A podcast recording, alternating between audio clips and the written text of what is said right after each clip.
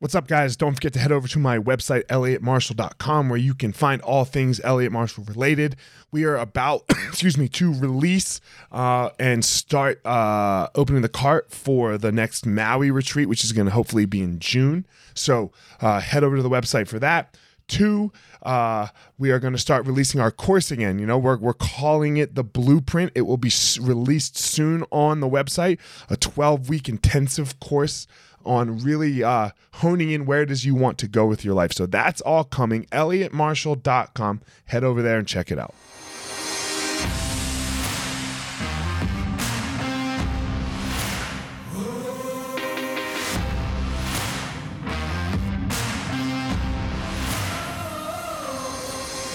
What's up, my ninjas? This is former UFC fighter Elliot Marshall, and this is the Gospel of Fire, where we are going to learn how to go into the fire so that we can find our power and live the best life possible.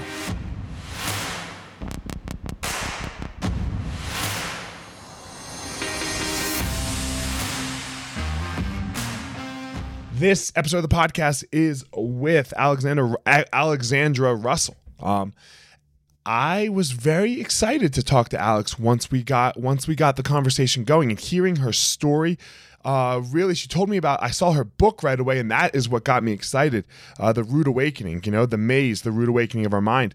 Um, because oh boy, it can be such a rude awakening. And then hearing her story and then listening to such a young person use some of these words uh, that she uses in the podcast and then explaining them in a way of uh, look it's not the world's fault this is on me um, which is the opposite of where most young people are going these days so um, it was really refreshing. It was really great. So without further ado here we go. Alexandra russell. What's going on alex? How are you? I'm good. How are you? I'm well. Southern California, you said, yes? Yes, Southern California, in the outskirts of Southern California. what, what is, uh, you, you're explaining to me a little bit, what does the outskirts of Southern California mean? So, Southern California is kind of like a bubble, um, very city, obviously, but I live on the very top of Ortega Highway, which is one of the most dangerous highways in California. um, a, there's a lot of accidents on this highway. It's a very, very windy road um, on a cliff, basically. So a lot of accidents. So it's kind of sketchy drive, but um, I'm at the very top. So I'm in between Orange County and Riverside County, okay. technically in Lake Elsinore. So in the mountains. All right. I love Newport Beach. Like Newport Beach is one of my favorite places. Yeah. And I, and I don't like the ritzy side where all like, you know, I yeah. like the right by the strip of the beach, you know, like the totally. surfer, the surfer boy side. And I'm totally. not a surfer boy, but I, I just love that area. Oh, I actually I grew up in Dana Point. So if you're okay. familiar with Dana yep. Point. Yep. So cool. Nice. Yes. Yeah. Um, all right. So you do this meditation and spirituality thing. Um I, I do. and we were just talking offline a second ago that you just wrote this book. And I just love the title of it, The Rude Awakening.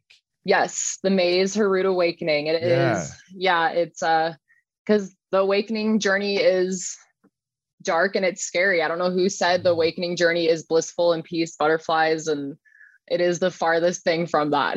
okay, so tell me what this means for you. So, well, the book, The Maze, Rude Awakening, um, tells a story about a young woman named Pearl who is struggling with depression and anxiety, and she's having like suicidal thoughts. She's in a really dark place in her life she ends up getting abducted by a deranged hypnotherapist. He puts her under hypnosis into this place known as the maze. And the maze um, takes place within her mind, carving through like the darkest parts of her psyche, leading her to nothing but the most cruel, horrific obstacles she can face. So she must find her way out of the maze alive, ultimately finding her truth within herself, peeling back her layers, feeling the deaths of her ego per se. Um, so that's the the what the book is about. Um, but the maze, her rude awakening, like I said, the awakening process is nothing less than terrifying. It's really, really scary for us to go inwards and look at our inner wounds and our traumas and our, you know, all of that stuff that we have to sit with that's influencing our life today and how we can work with it today and, you know, choose to respond differently and basically just awaken to our inner truth. How old are you? I'm 25. Okay. So Yes. yours might not have come yet, or maybe it has. You're young. I have been, I'm very young. Um, I would say for someone my age, I have been through quite a lot. Um, you know, everyone has trauma, everyone's been Mhm. through their stuff. I definitely have had my fair share of stuff that I've been through to that has gotten me to this place where I'm at now, where I'm just super passionate about mental health and, um, you know, trying to help people cultivate self awareness, which is something I'm still doing every single day myself um, how to regulate the nervous system, which is something I'm also doing every day. Um, but yes, I am young. Yeah. So let's back up then. So, um, you said you've been through a lot in in such a short, young time. Uh, yes. I would love to hear a little bit about your life. Yeah. So, um, you know, um, grew up in Southern California my whole life. I was constantly moving around Southern California from a small age. My parents, they divorced when I was seven. So even before and after their divorce, I was constantly moving. I went to about four different elementary schools alone. Um, so growing up as a child, I was always, I felt very alone a lot of the times. I'm an only child also. So I was always alone, always going to new schools, always being the new kid. Um, the first time I experienced depression was when I was in fifth to eighth grade. And I that was for getting bullied constantly. I was always bullied for my weight, being too skinny, being called anorexic, and all these things. And um, that was pretty, it was pretty aggressive back then, how often I was bullied. And that really took a toll on my mental health at that time. Um, I'm not, I don't really remember how I got through that depression at that time. I just remember kind of just slowly fading out of it. I don't know if my brain blocked out some of those memories. I think our I think we get tired of it. I think you know? so. I, think, you know, especially as young people, like you're just like, okay, I've had enough of this, and and it passes. It comes back if you don't deal with it, in my opinion. But uh, it's just like, okay, I can't handle this anymore. Fine, we're done.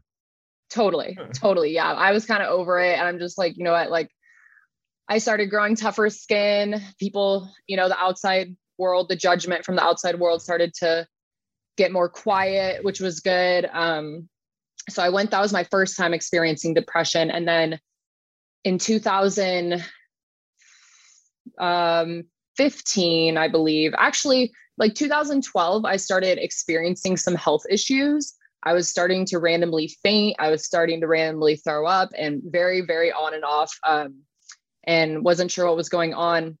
But in 2016, after I graduated, the year after I graduated high school, my health completely declined.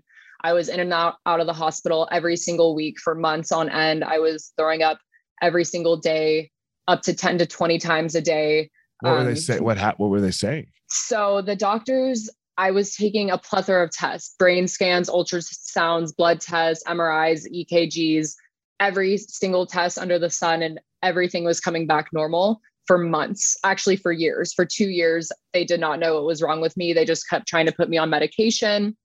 So I was on four different types of medication for a few months, and then that just wasn't helping. So I actually switched to um, a homeopathic doctor. when they say they put you on medication, put you on medication for what?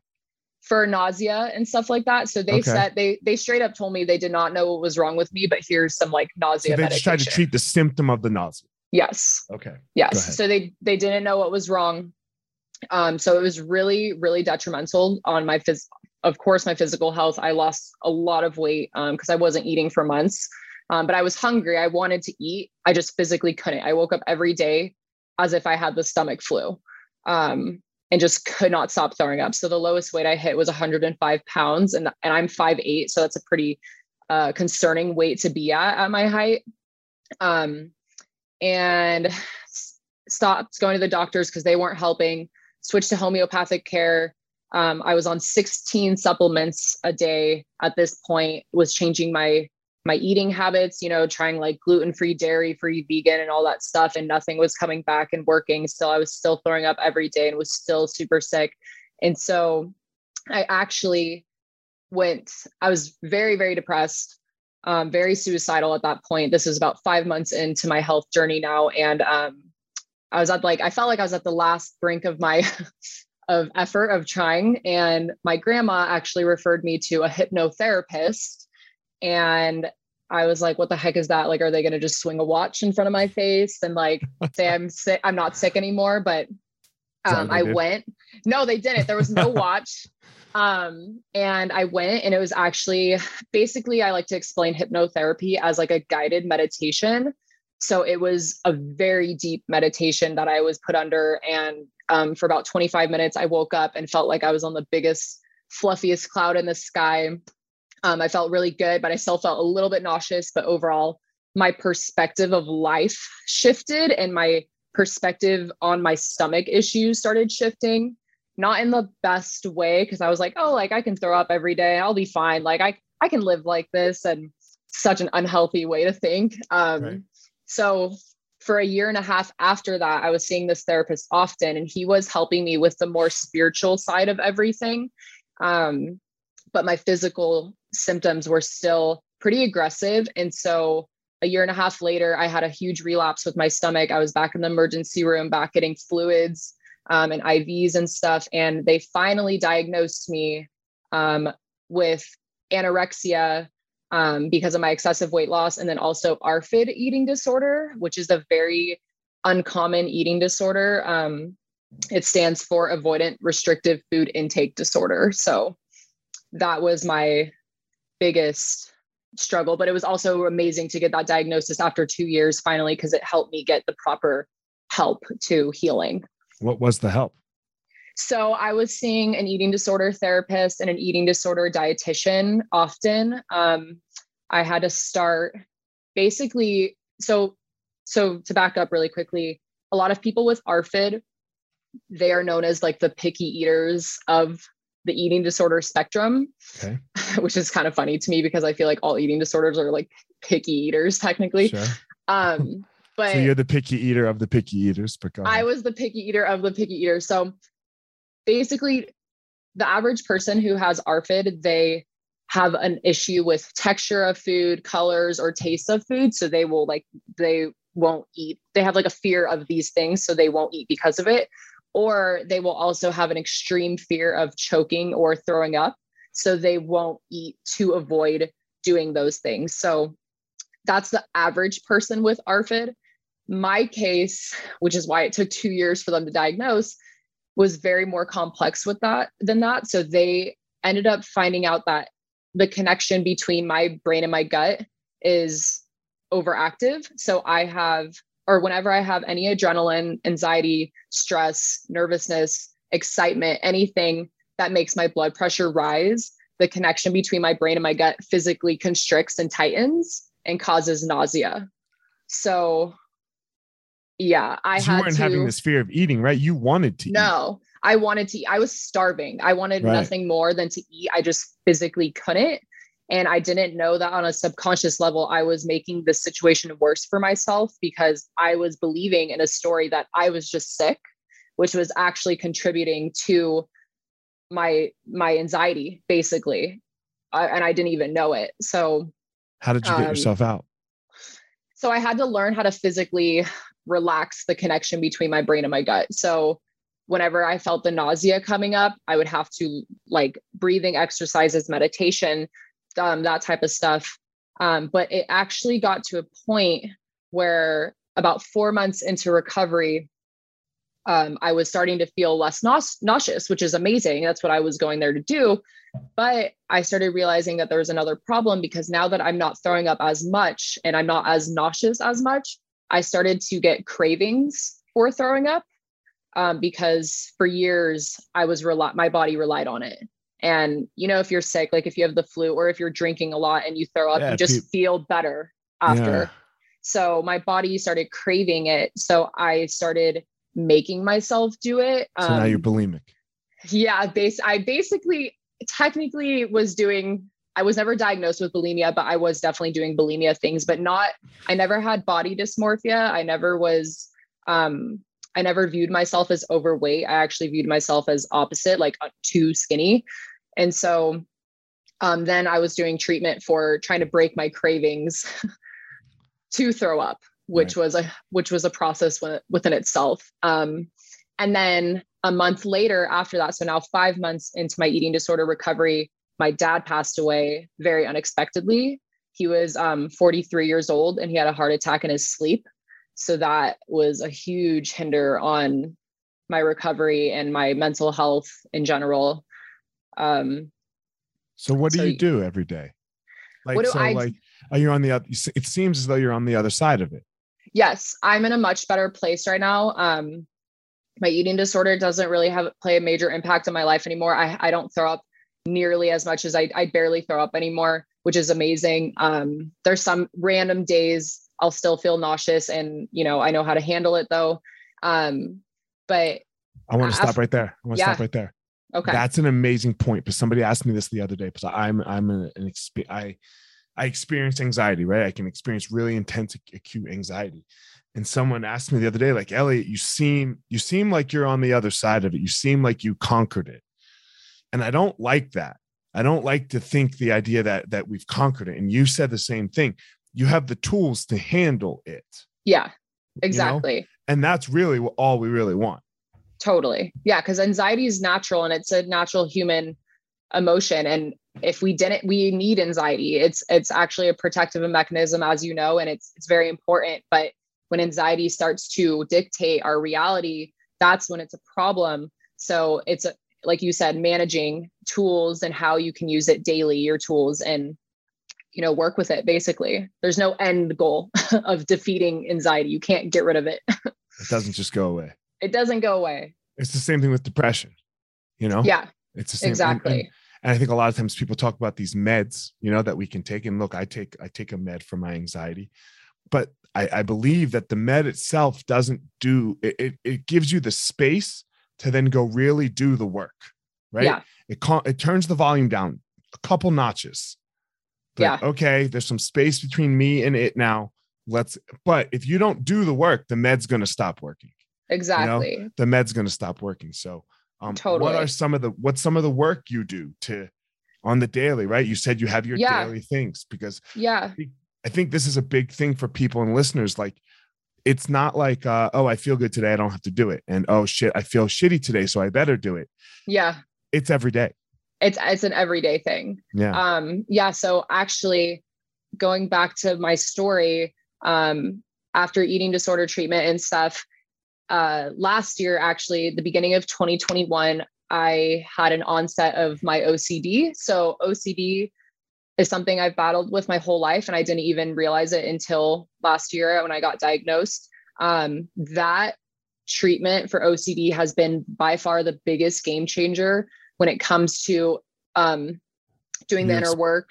Can you explain yeah. your OCD? Because people people think OCD a lot is just like touch, cleaning, touch. touch, touch. yeah. Okay, now I walk out of the house over here and I have to open, I have to twist the doorknob five times. Yeah. Is that your OCD, or I'm assuming it's not? No. So yeah. I do have like the locks and the stove thing. I do do that. My biggest theme of OCD was um, real event OCD and false memory OCD and relationship OCD and also a little bit of harm OCD. So there's different themes of OCD mm-hmm. that it latches onto. It's not just you have a fear of germs and you like to clean or organize like what society thinks it is.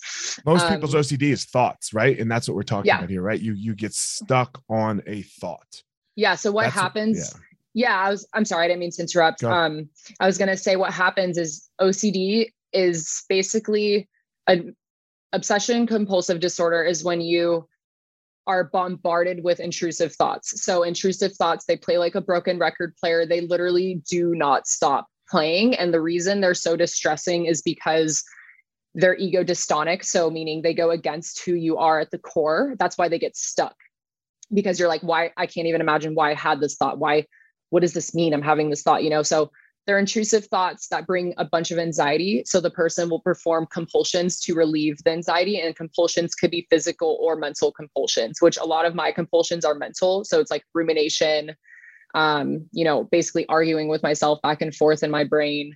Um, so it's been a lot of tools that I've had to learn on how to manage OCD, which I think the tools I've gained are tools that any single person who suffers with anxiety or not can benefit from. It's just a self-awareness cultivation and unconditional self-acceptance basically. So tell me some of the tools. Yeah so some of the tools are um, well ocd therapy was compiled of three different types of therapy. So erp which is exposure response prevention therapy uh, cbt cognitive behavioral therapy and act acceptance and commitment therapy so these are all super powerful therapies. I found the most help, I would say, in ACT, which I think anyone can benefit from, like I said. Explain but some that. of the, yeah, so some of the things we learned um, was identifying cognitive distortions. So identifying when a cognitive distortion comes up, a cognitive distortion is basically a distorted um, or faulty perception of reality, basically. So some examples of that would be all or nothing thinking or black and white thinking when we think in extremes or absolutes. Give me an example of yours. Like what what what is one of those thoughts that you can have? Um so for example, one of so one of my themes with OCD was um real event OCD. So I would think like in the past I did something wrong so therefore, I am a bad person. I am not worthy. I am this or I'm that because I have done something wrong. Got it. Um, I, I mean, and, so for example, for mine, for example, and I think I'm, I'm going to assume that this is it. Uh, if I have a bad night's sleep, when when I can go OCD, is okay. I didn't sleep. Okay, I'm never going to sleep. Okay, yeah. I'm I'm going to die from not sleeping. Yes. And that would be um, all or nothing thinking and also mm-hmm. catastrophizing, which is thinking worst case scenario. So when I go, when I trip, there it goes. Yeah. Right. Like, and sometimes that trip can be like, okay, I'm up for two hours and it's not even that big of a deal. And then I'll be all the way at, at my death.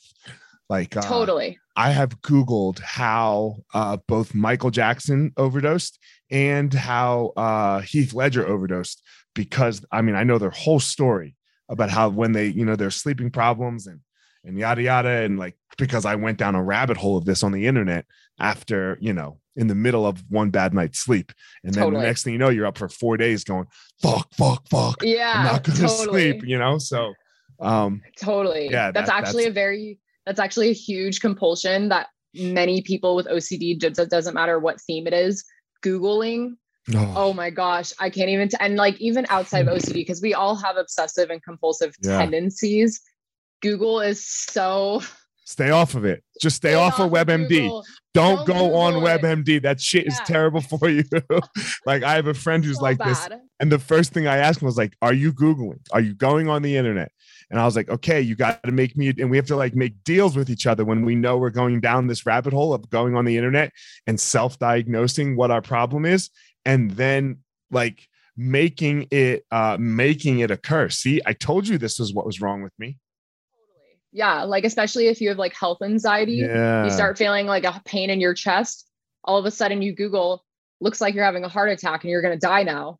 So go to the hospital but it's like no just stay off of google because google is not a doctor and go talk to your actual doctor if you think something's wrong but google is so so dangerous and it just actually reinforces anxiety oh it's the worst you're just giving power to anxiety you're feeding yeah. it yeah it's the worst like i have I, I I just it's terrible. Like I, terrible. I, don't know what else to say other than don't fucking Google. don't Google. Don't Google. Like wait, like uh I mean I've told my doctor that he was wrong before because I looked it up on Google.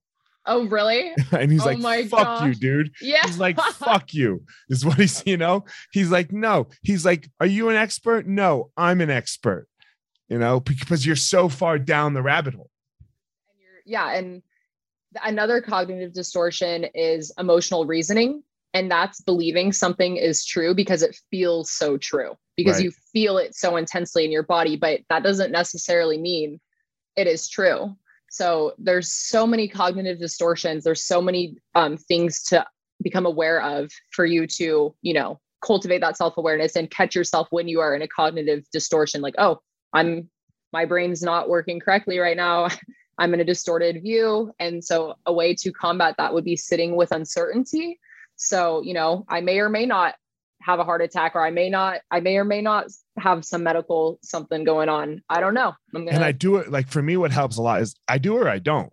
Yeah. exactly. like fucking worrying about it worrying about whether or not i'm i currently have brain cancer or whatever other medical thing like that that isn't going to help because you like at the end of the day you do or you don't and if you do you'll handle like i think it's it's really developing the belief in yourself that you will handle whatever comes your way totally and for me that was a huge step totally i agree yeah because just sitting with uncertainty because all we have right now is this present moment we don't have the past the future is unknown but right here is what's happening right now and that's where um, like unconditional self acceptance comes in, accepting what is in this moment, accepting where you are in this moment. I may or may not have a brain tumor or whatever. I may or may not have all these extreme diseases or whatever, but I don't need to figure it out. Let me ask you a question. Um, okay. Because some of my listeners may be a little older, right? Okay. And they see this young person, you on, on here, and this word unconditional self acceptance right and sometimes yes. uh and, and look I, I understand what you're you're saying but sometimes you know like the the older generation my generation looks at the younger generation and goes yo toughen up buttercup and just get a little better yeah. but you're not saying that right? You're not saying that you can't be more skillful at things that mm-hmm. you can't improve yeah. right? You're not like oh well the world has to adapt to me. No no no. Right? So explain that type of thinking because like look that drives me crazy right? Like no it's, it's my job elliot to go figure out how to make my life in the world. Oh yeah. the world's not changing for me even though i do unconditionally accept myself and love myself all at the same time yeah so explain yeah. what that means a little bit so i think especially with this generation um how to say this in a you don't have to be skillful just spit it out i was going to say we're very sense there's a lot of very sensitive people in this mm-hmm. generation mm-hmm. so everyone's like tiptoeing around each other and all this stuff but and another thing is like how you said the world we some people think the world needs to adapt to us but it's like this is where we need to start taking accountability for ourselves mm-hmm. and how we are showing up in the world how we are showing up to our day-to-day lives. Um, and is it the life that we want to create? Are we sticking to our values or not? Are we living the life that we are dreaming of? And um, with unconditional self-acceptance it's kind of like first for example for someone who has ocd especially real event ocd so they're stuck on something in the past something that happened that they did they believe they perceive that is completely wrong they're a bad person because they did this how can they move on from this huge thing whatever so, unconditional self acceptance is basically just accepting your past, accepting who you are, where you are right now in this moment, without expecting the world to accommodate for you, kind of like you said. Um, because we are not the main character of this movie that you're only the main character are. of one movie there's yeah. one movie you're the main character of yeah. it's yours but there's yeah. a whole lot of movies playing yeah exactly About seven I, billion of them seven billion exactly and i think that's something else too um, where we get so caught up in life is actually that hypnotherapist that I was seeing he made a really awesome analogy for me, but kind of describing life itself as like a movie screen. And we are watching the movie screen. But what happens is that we get so attached to the story or the movie that's being played on the screen. So, for example, that would be everything that's happening in our lives. We get so attached to the external world and so attached to what's happening around us. But in reality, this this isn't who we are. What's happening on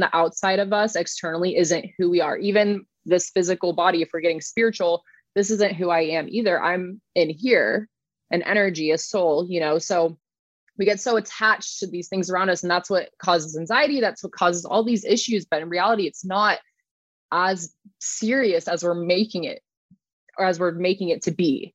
Um, so kind of just taking a step back, self acceptance, self compassion, like I'm here right now, you know, like and and noticing and taking responsibility. Okay, maybe am I doing things that are helping me? Can I improve my actions or my responses to things? How could I become a better person? Because no one else is going to do the work, unfortunately, for us. I wish I wish someone. Do you wish though? Work. Do you though? Not really, no. But no. it would be easier. It would be uh, sure, but do you wish? I don't wish. I, I you know, I don't wish No. that I that somebody just dropped fifty million dollars on my lap either.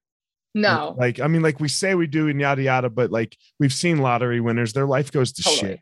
Totally. You know, their life goes Yeah. to shit. I really love how you're explaining this because, like, like I said, like so often people just go unconditional self acceptance, my ass. Like you're just okay where you are, and that's just not what it is. It's it really what it is. It's just realizing where you are. Yeah. This is where I am. This is how I got here. There is Exactly. nothing I can do about this currently, but I bet you I can make it more skillful in the future Totally. and people don't realize that right like because how can you uh you know i like to describe it as like you know you're going from if i'm going to drive from if i'm going to drive to your house let's say on the top of the mountain where you are Yeah. i better know where i am where's elliot starting because i can't get directions in a roadmap of how to go there and how to get to your house if i don't know where i am currently totally. So you better realize and accept, okay, Elliot is at Elliot's house, and this is the address of Elliot's house. And we're really good with that with like physical things. We do that really well, but we don't do that Yeah. so well with ourselves because we don't. Ex- and the and the problem is we know we might know where we want to go, but we don't know where we are. Right? We don't know where we currently are. So so the roadmap is impossible to make. Yeah. Oh, I love that. I love that. You know, I totally agree. it's just impossible because maybe the first step for for somebody is uh getting up in the morning on time Yeah. i don't know and maybe this maybe somebody else gets up in the morning on time but then they they the next step of like doing something skillful early is their problem so you you, you have to see where you are to see what the next step is Yeah, exactly. And not setting un- unrealistic expectations on yourself, which is something a lot of people do as well.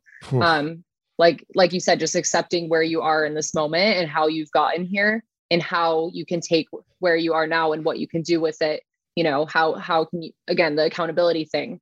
Um, but yeah, setting unexpected or unrealistic expectations is super detrimental to our Yeah. mental health as well. so what do you do with all of this right like you, know you're a meditation teacher and what what how have you uh i like to use this word like so all these things have happened to you okay but really they've happened for you you've been able Yeah. to make them happen for you how have you done that Well, I wanted to say too, I'm not teaching meditation anymore also. Okay. So I'm an ex meditation and yoga teacher. Right, I have, yeah. Um, but I meditate daily. Um, it's very, very powerful. Um, I'm sorry, can you rephrase the question one more time? how have you made these things of your life that have happened to you which all seem very difficult and bad how have you changed that to be something that's happened for you that actually makes Oh, got it. life Okay. Um, well, so what I said before, how you um made that comment too of how it would be easy if we if someone just did the work for us. Mhm. last year where i was with my ocd i was extremely depressed i was extremely suicidal it was probably the most intense um, mental battle i've ever experienced outside of my eating disorder and all these other things i've been through um, but looking back at it all now from where i'm at today it has transformed my life into such a deeper awakening than I could have ever imagined. Because I thought I was like woke before because I taught yoga and taught meditation and stuff, but I was so far from truth and I was so far from true self awareness, and my nervous system was so dysregulated. And this whole, all the darkness that I've been through has brought me to where I'm at today and has brought me to this place of empowerment and has brought me to this place of, you know, understanding that amidst the darkness, there is light. And that's kind of what I'm trying to portray with my book, The Maze Her Rude Awakening. Um, that there is light amidst the darkness. And how can you find your light within that darkness? How can you take what has happened for you in the past as lessons rather than um what's the word? Shitty situations like a victim, victim mentality, like, oh, life is so hard and all these things that have happened to me. Like it is hard, but these things have helped you become who you are today. And how it's have you perspective worked? change It's perspective shift. Yes. Yeah. I wouldn't be I wouldn't have the awareness that I do now if I had not go through if I've not gone through all the darkness that I've went through. And I would not have found my way out of the maze of my own mind if I didn't go through all that stuff and I wouldn't, I would still be living with a unconsciously with a dysregulated nervous system. And I would still think I was super self-aware and woke because I knew yoga and I wanted to meditation. just, I mean, who who doesn't think they're self-aware? It's you know, totally. everyone thinks they're self-aware. Oh, I know Yeah. exactly who I am and what's going on with my life. No. Everyone does. You know? Yeah, Ev- totally. I does. thought, yeah, it's that's very common until you see or until something like for me, example with my OCD that happened. That's when it really shifted, like woke me up to like, oh shit, like I am really dysregulated. I really don't have much self awareness. Like, because if I did, this wouldn't be controlling me as much as I'm letting Mhm. it control me. Um, so yeah, it's really, really perspective shift and how you can utilize the things that have happened as lessons to move forward and grow basically it's a journey it's always a it's a never ending journey Right. You probably won't say you're woke now because I, I I mean I don't feel like, I, like Oh, no. I- yeah, I'm just like, Oh. all right, well, today's a day. Yeah, totally i agree yeah no Yeah. i'm daily learning how to cultivate self-awareness and for me that looks like you know just becoming aware of my thought process my mind what it's doing and how you know being able to be the observer of my mind And it's not that those thoughts stop coming necessarily. No, you just no. don't attach to them. And this is the key, right? Going back to that question that that person asked me earlier, Elliot, how is it that you conquered it? There's no conquering again, right? I'm just super aware of it. I can go, oh, hi, hi, anxiety, right? yep That's what this is. You are just this. I know you will pass. totally You know, I know you'll pass. You can't stay forever. And uh, what's going to help it not stay forever is I'm not going to focus on you. yeah I'm going to continue going about my day totally as if you weren't here. I said hello to you. I gave you a second. And now I'm going to tell you to fuck off because Elliot's going to go do Elliot. I love that. Yeah, it's So- basically like wearing anxiety like an uncomfortable coat. Kind of Mhm. like, okay, like yeah, I can put it on, but I'm not that's not gonna it's not gonna stop me from doing what I need to do today. And it's not gonna control my life. Like it can be here, you're welcome, but I'm not gonna give you any more power. I'm not gonna feed That's into it. I'm food. not gonna yeah, Controlling you is its food. It's how it eats and grows and becomes stronger and bigger, which is bad Yeah. for us, you know? yeah. So if you just starve it, then it goes away. Yeah. And it's weird because a lot of people think like because anxiety is such an uncomfortable emotion or feeling sensation Well, in the body. It presents physically too. Yes. So it, it's such an uncomfortable sensation. So what happens with anxiety and why it latches and starts controlling people is because we resist it. Like when we feel anxiety, we want to resist. Like, oh my God, this, I don't like this feeling. I don't want to be anxious right now. Like I can't, I can't do this right now. And that's what is feeding it. You're giving it power because you're now labeling it as dangerous. So your brain is now perceiving this as a threat. So it will reinforce and it grows. But in reality, like you said, or just wearing it like an uncomfortable sweater, kind of like taking it on with the day, like, okay, I said hello to you. I noticed you. You're welcome to be here. But, you know, Yeah, I like it. I like that. We've we've all worn uncomfortable clothes before. It's not a first Yeah. time. Exactly. Yeah. Right. so just put throw it on. You can, So I can wear we, for now. as we wrap it here, there's a couple questions like I, you know, I almost asked you when we were uh offline that that I do like to ask. But the first one is I believe everyone has a power in the world, a superpower, you know, and it's it doesn't make you rich and famous or or anything like that. It's this thing that you have inside of you that you get to go then give to the world, and then and the world then returns it back to you. So what do you think your power is? Oh, that's an interesting question. I think right now, because I'm obviously growing every day, but right now, I believe my power and where I'm finding my strong suit in is my creativity, especially with my author journey right now. Um, with my book, The Maze to Rude Awakening, it is a combination of psychological thriller, horror, and self-help fiction. So it's alternative approach. It's a diff- it's a new type of genre that I'm trying to create um, to really showcase and help guide people who are trapped in the maze of their own mind, who are struggling with that darkness, that there is light. And so hopefully I believe right now in this moment, my superpower, I guess, would be holding space for others who are struggling with that darkness and you know walking through it with them helping them helping guide them and showing them that they are not alone i think that's a really powerful thing to integrate right now and especially with the world the state of the world right now with all the chaos happening in the world and covid situation that happened. A lot of people are struggling with their mental health right now. Yeah, it's a, it's a, you know, COVID has COVID has changed the world more than just from a pandemic sense, right? Like totally. It created this pause where a lot of people are realizing that they're unhappy. Yeah. You know, a lot of people are realizing that, man, I want more out of my life. Like this is some bullshit. Yeah. I was just like waking up and going about doing my day like I've always done my day. And it just kind of sucked. And then when it when when we when when our day got taken away from us, people then realized they're like, man, you know what? I ain't going back to work at fucking Walmart. Fuck Walmart. You want me to go yeah. work at Walmart? You're gonna have to pay me more, you know, or or totally. whatever, whatever it is, you know? Yeah. And, and I get that, you know, because I don't want to work at Walmart. Not not that working at Walmart is bad. If that if like like, look, man, you meet you get those greeters sometimes at Walmart. They fucking you. They're like, yo, I love being at Walmart. Yeah. Great, amazing. Go work at Walmart. You yeah. know, go work at Walmart, please. If right now Walmart is the only thing that you can do to feed your family, well, then please go work at Walmart. But if you have a choice and it's not really what you want, then stop. And I think totally. that's what COVID showed us. You know? Yeah, a, a lot, lot, of people. people. A, a lot, lot, of people. people. So, you know what? I can. I'll make it on fifty thousand dollars a year. That's fine you know? Yeah. And I ain't gonna work in Walmart. I'm gonna make YouTube videos. Yeah. You know? so whatever awesome. it is, you know? Yeah. Yeah, so, totally. Got to do what is passionate for you and what's going to mm-hmm. feed your soul and ignite your your fire within. For sure. All right, last question is uh look, we are nothing alike. You are young. Uh, uh I am not. You are uh when when you when you look at this online world, right, which is I'm sure where you're trying to sell your book and do your thing, yeah. Um, I'm not your avatar. I'm not your, I'm not your ICA. My custom, my, my, the people that listen to this might not be.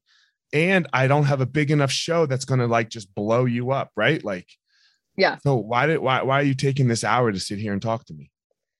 Um, honestly, I just love connecting with other people. And I, to be completely honest, like was really excited because I didn't really know about who you were, but when okay. I Googled you, um, and saw that you were ex UFC fighter. I used to watch the UFC all the time growing up with my dad. So like I was okay. like, this is so exciting. Like how cool. cool. I'm gonna talk to an ex UFC fighter. So um, and I saw that you were an author as well. And just like to connect with other people, especially people who are really passionate about mental health and you know spreading awareness, kind of how we were doing today on this episode. Mm-hmm. Um, so why not? Like I think it's just building connections, and no matter who they are, um, no matter who's even listening to this if they're not exactly the my target audience um, it's still it's still making an impact in some way um, you know just, just, sharing like, my voice.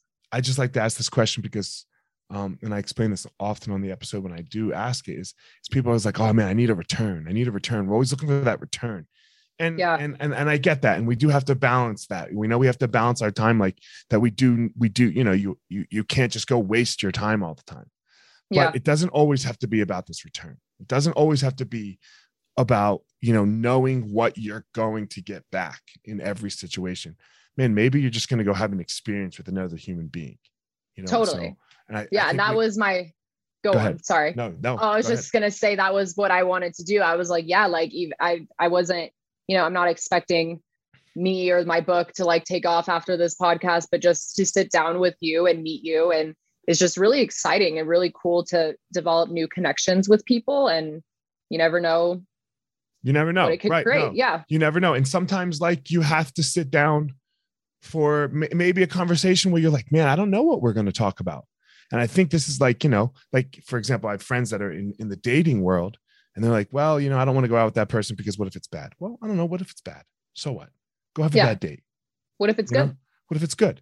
what, what if you make it good? What if the two of yeah. you have to make it good rather than, and, and then like, yeah, and then, oh, oh, it has to be good. And if it's not good, and it's on them. Well, what if it's on you because you're an asshole? Go yeah. make it good. You know, go make it good. So that's the accountability part. yeah.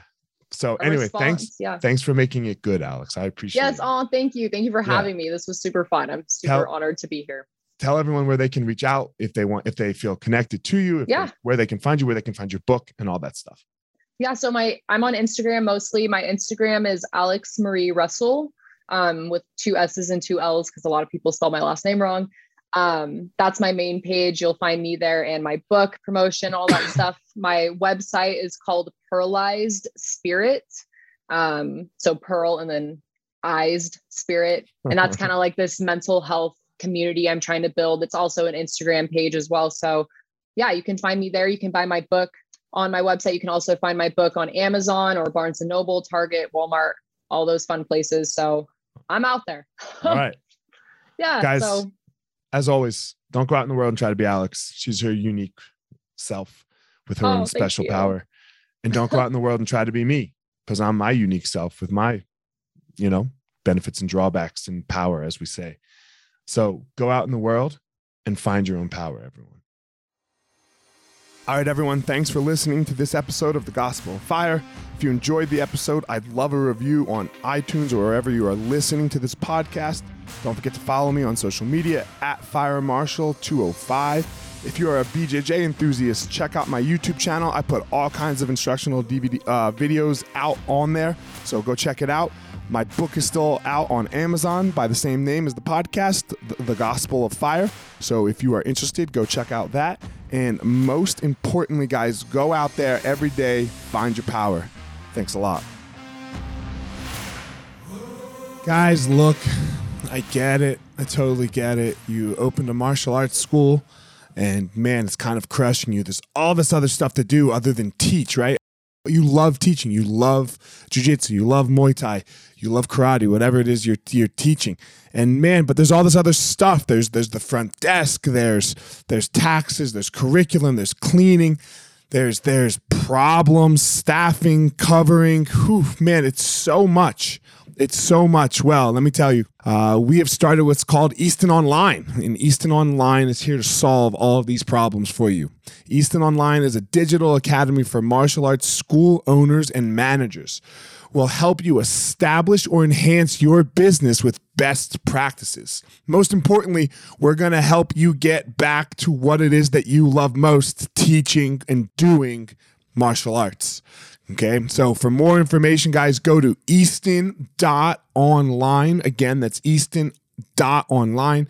Add your email. You're going to get notified about the course launches. Our first course is going to be all about the first impression specialists, your front desk, and all kinds of stuff, special offers, promotions, as well as we started a podcast by the same name, Easton Online, that's gonna talk about our process of how how we went from a tiny little martial arts school to what is now seven martial arts schools, seven Brazilian Jiu Jitsu Muay Thai schools, um, in a very holistic way that we believe um, kept the integrity of the art and also deals with its people very well. So again, easton.online, enter your email and you're to get all you're to get everything you need right there. So, thanks guys.